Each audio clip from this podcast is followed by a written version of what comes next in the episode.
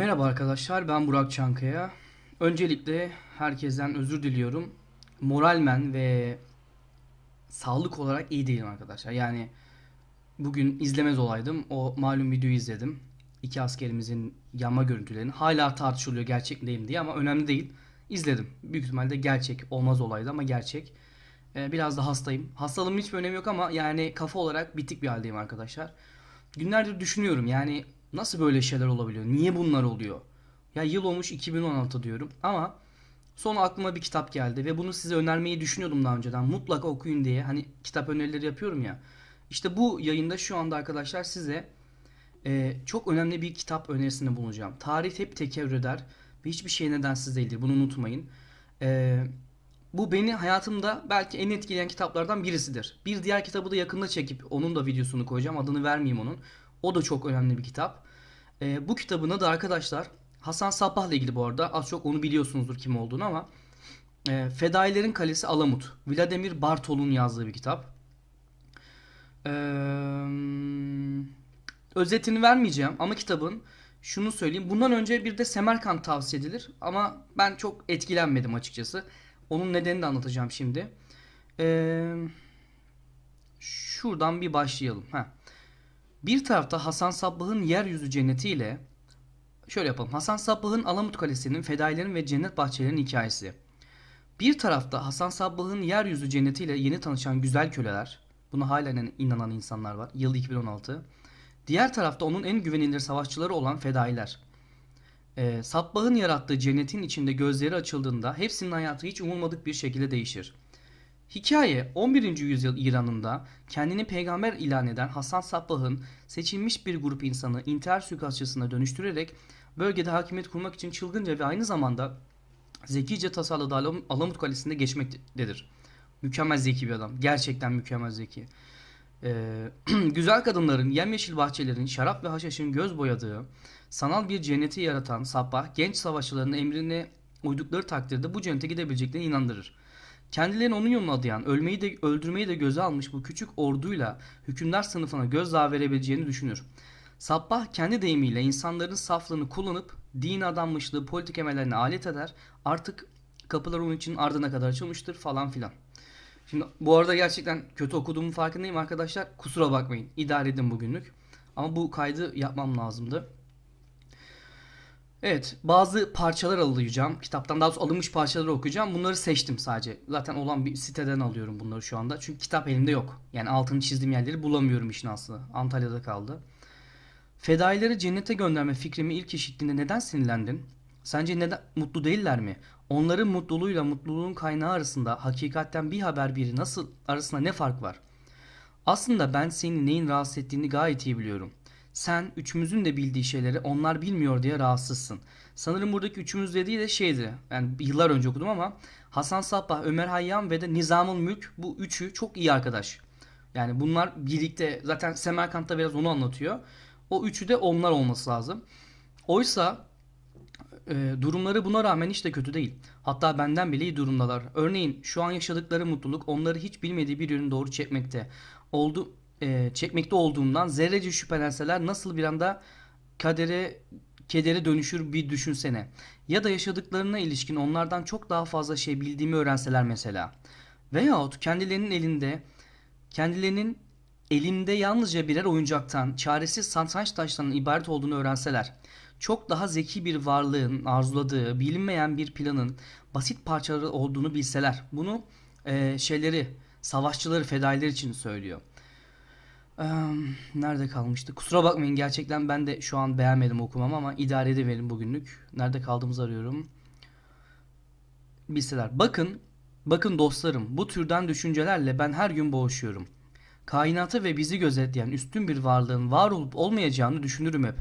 Bizimle alakalı her şeyi hatta ölüm anımız dahi bilen acım ama acımasızca gözlerimizde perde çekerek bizi bu türden bilgilerden mahrum bırakan üstün bir kudret var mıdır? Bizi bu şekilde var eden kudret belki de üzerimizde bir deney yapmakta, hayatımızla kaderimizle oynamaktadır.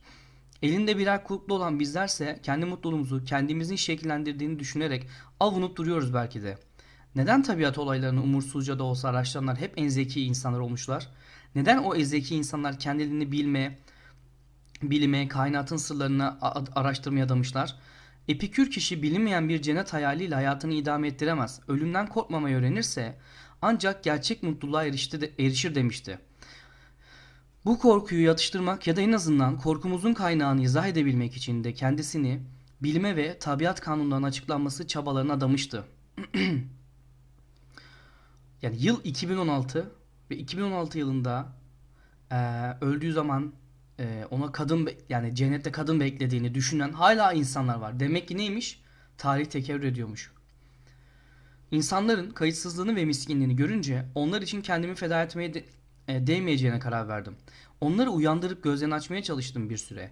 Sence halkın ezici çoğunluk hakikatin ne olduğunu aldırıyor mu? Şu anda düşünün aldırıyorlar mı? Umurlarında bile değil. Sadece rahat bırakılmak ve hayal güçlerini besleyecek masallarla kandırılmak istiyorlar. İlginç. Peki ya adalet? Şahsi ihtiyaçlarını karşıladığı müddetçe onlar için bu kavramın zerre kadar ehemmiyeti yok. Eğer insanlık böyleyse büyük hedeflere ulaşmak için bu zayıflıktan istifade edecektim. Ediyorlar mı? Ediyorlar. Değişen hiçbir şey yok. İnsanlar masallara, uydurulmuş hikayelere bayılırlardı. Gözlerini kör edecek şeyleri onları mutlu ediyordu.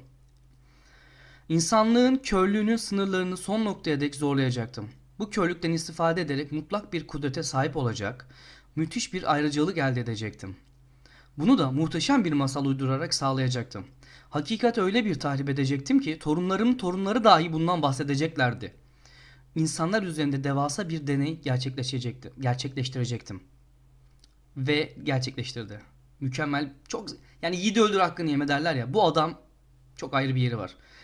Hiçbir şeyin lüzumsuz olmadığı bu dünyada güneş kaplanın, kuzun bu dünyada güneş kaplanın, kuzunun, filin, sineğin, akrebin, kelebeğin, yılanın, güvercinin, tavşanın, aslanın, çiçeğin, meşe ağacının, dilencinin ve kral üzerinde eşit derece dilencinin kral üzerinde eşit derece para, para, parlar. Özür diliyorum çünkü yan, yazım yanlışları var e, şeyde metinlerde. Ben de o yüzden yanlış okudum mesela burayı. Her neyse güneş bu bütün canlı üzerinde eşit derece parlıyormuş. Ne zaman mutlu olacağımız, ne zaman ha hastalık iyi, kötüyü, güçlüyü, zayıfı, akıllıyı, aptalı aynı şekilde vurur ayrım yapmaz. Adalet de burada galiba. Ne zaman mutlu olacağımız, ne zaman acılarla boğuşacağımız belli değildir. Ve yaşayan herkesi aynı son bekler. Ölüm. Git buradan evlat. Oku, dünyayı tanı, hiçbir şeyden korkma. Her türlü ön yargıdan uzak dur, hiçbir şeyi aşırı yüceltme gözünde, horda görme. Her şeyi araştır, cesur ol. Artık öğrenecek bir şey kalmadığında, kalmadığına kanaat getirince buraya geri dön. Ben burada olmayabilirim ama halkın burada olacak. Seni bağırlarına basacak biliyorum. İşte bu mertebeye ulaştığında Araf'ın zirvesine çıkmış olacaksın.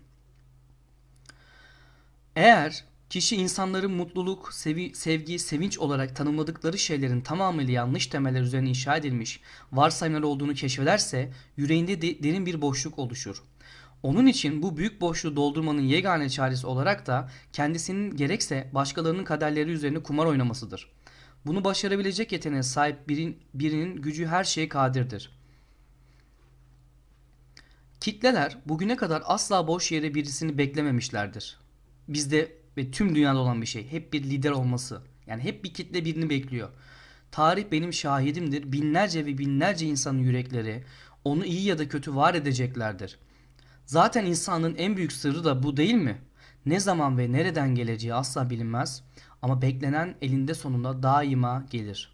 Hala insanlar, Hristiyanlar İsa'yı bekliyor. Müslümanlar Deccal'i mi bekliyordu? Birini bekliyordu. Şu an hatırlayamadım yalan olmasın.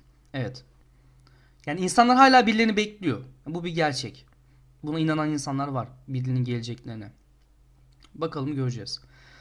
Bedenimiz miskinliğe ve rehavete meyilli. Hedefe giden yolda karşılaştığımız zorluklar onu korkutur.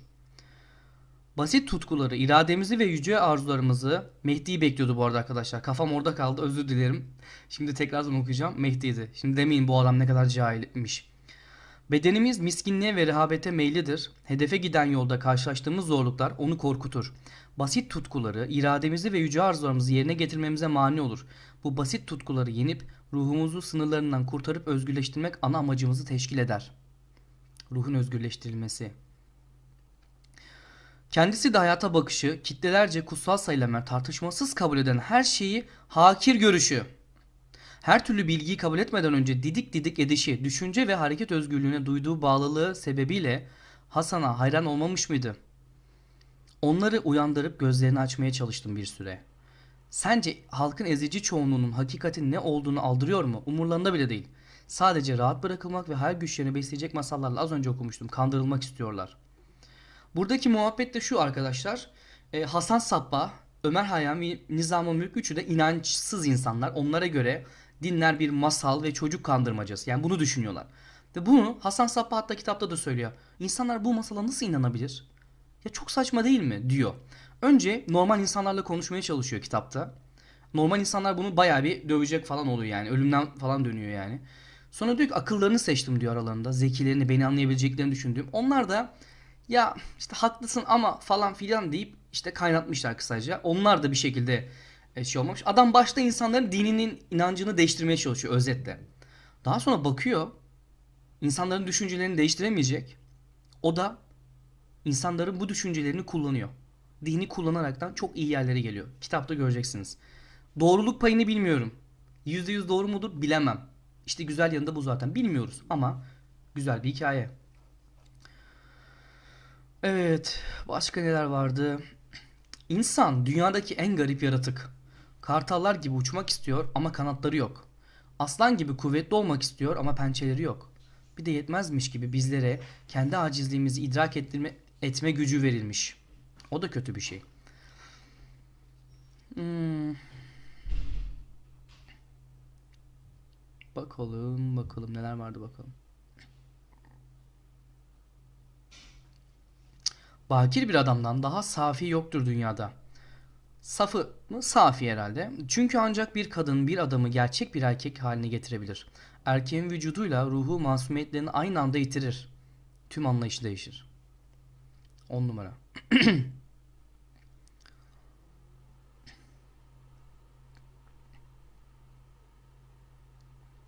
Nihai bir bilgi imkansızdır. Çünkü duyularımız bizi aldatır. Etrafımızı kuşatan şeylerle aramızdaki yegane bağ zekamızın ürünü olan düşüncelerimizdir. İnsanın ruhu, zihni ve tutkuları eğer o büyük engel olmasa bir kartal misali uçmasını sağlayabilirdi. Bu büyük engel tüm zaaflarıyla kendi vücudumuzdur. Başka neler vardı? Heh.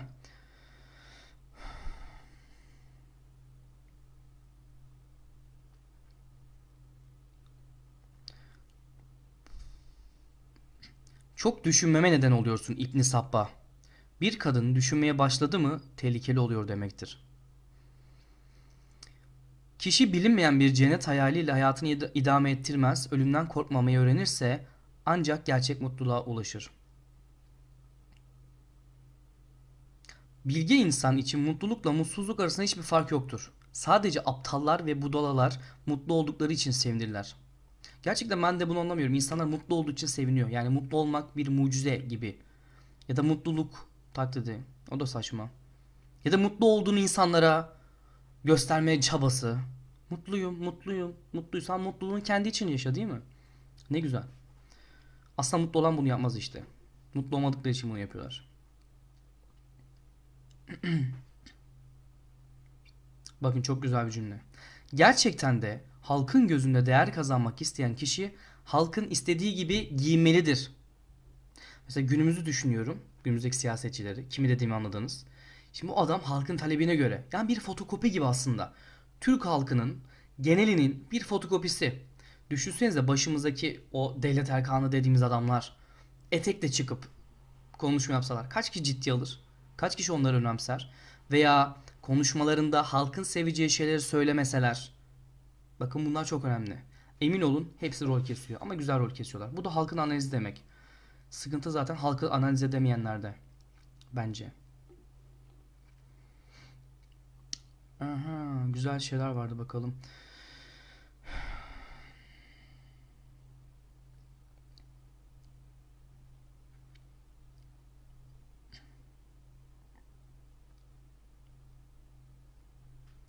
Küçük cümleler var. Bakıyorum şöyle hani etkileyici şeylere bakıyorum. Daha çok şey var emin olun da ben kitabımı Türkiye'de unuttuğum için bulamıyorum. Evet. Şu an cümleler daha kısa baktığınız zaman. Şöyle bir de ekşi sözlükten bakmak istiyorum. Fedailerin kalesi Alamut ekşi. Hemen geldi zaten. Evet bakalım burada güzel şeyler var mı arkadaşlar? Böyle bir sıralama yok muydu bunda ya? En çok böyle güzel puan alan falan filan. Bu yaşanan şeyler arkadaşlar günümüzde yemin ediyorum aynı şeyler şu anda da oluyor.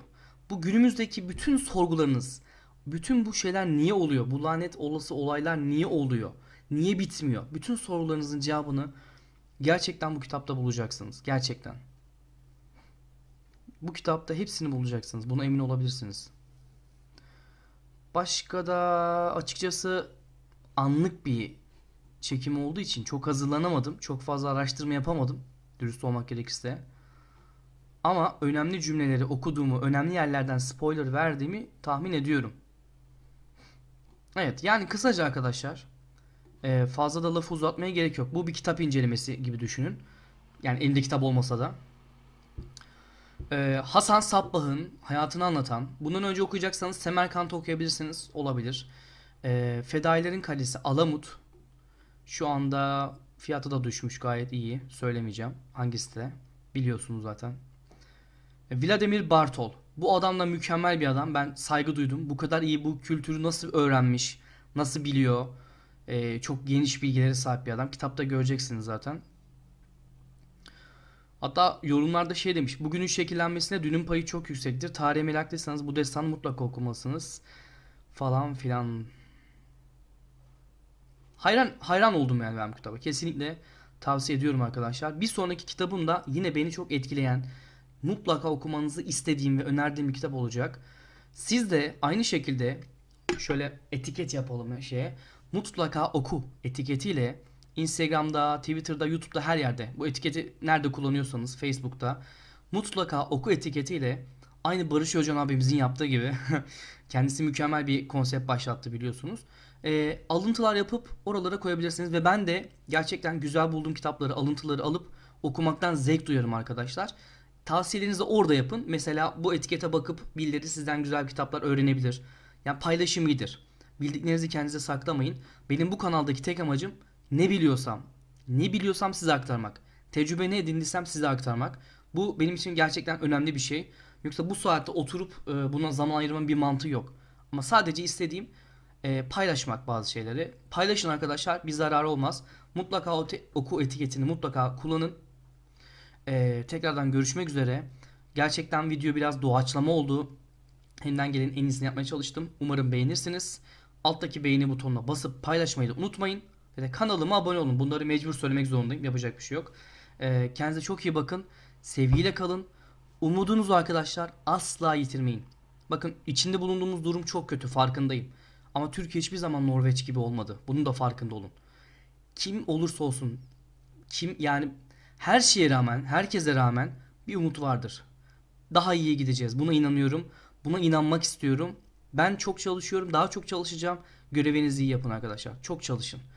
Ve televizyon saçmalığını son verin. Hayatımda televizyon yok. Belki 15 yıl oldu bilmiyorum. izlemiyorum. Ve çok mutluyum. Televizyon saçmalığına son verin. O zaman gerçekten kafanızın, ufkunuzun, dünya görüşünüzün açıldığını, daha iyi yerlere geldiğinizi göreceksiniz. Buna inanın. Bu size bir abi tavsiyesi olsun küçük arkadaşlarıma. Büyüklerim haddim değil zaten onlar izliyorsa da bir şey diyemem ama televizyondan kurtulun arkadaşlar. İnterneti güzel ve doğru kullanın. Kendinize çok iyi bakın. Sevgiyle kalın. Hoşçakalın arkadaşlar.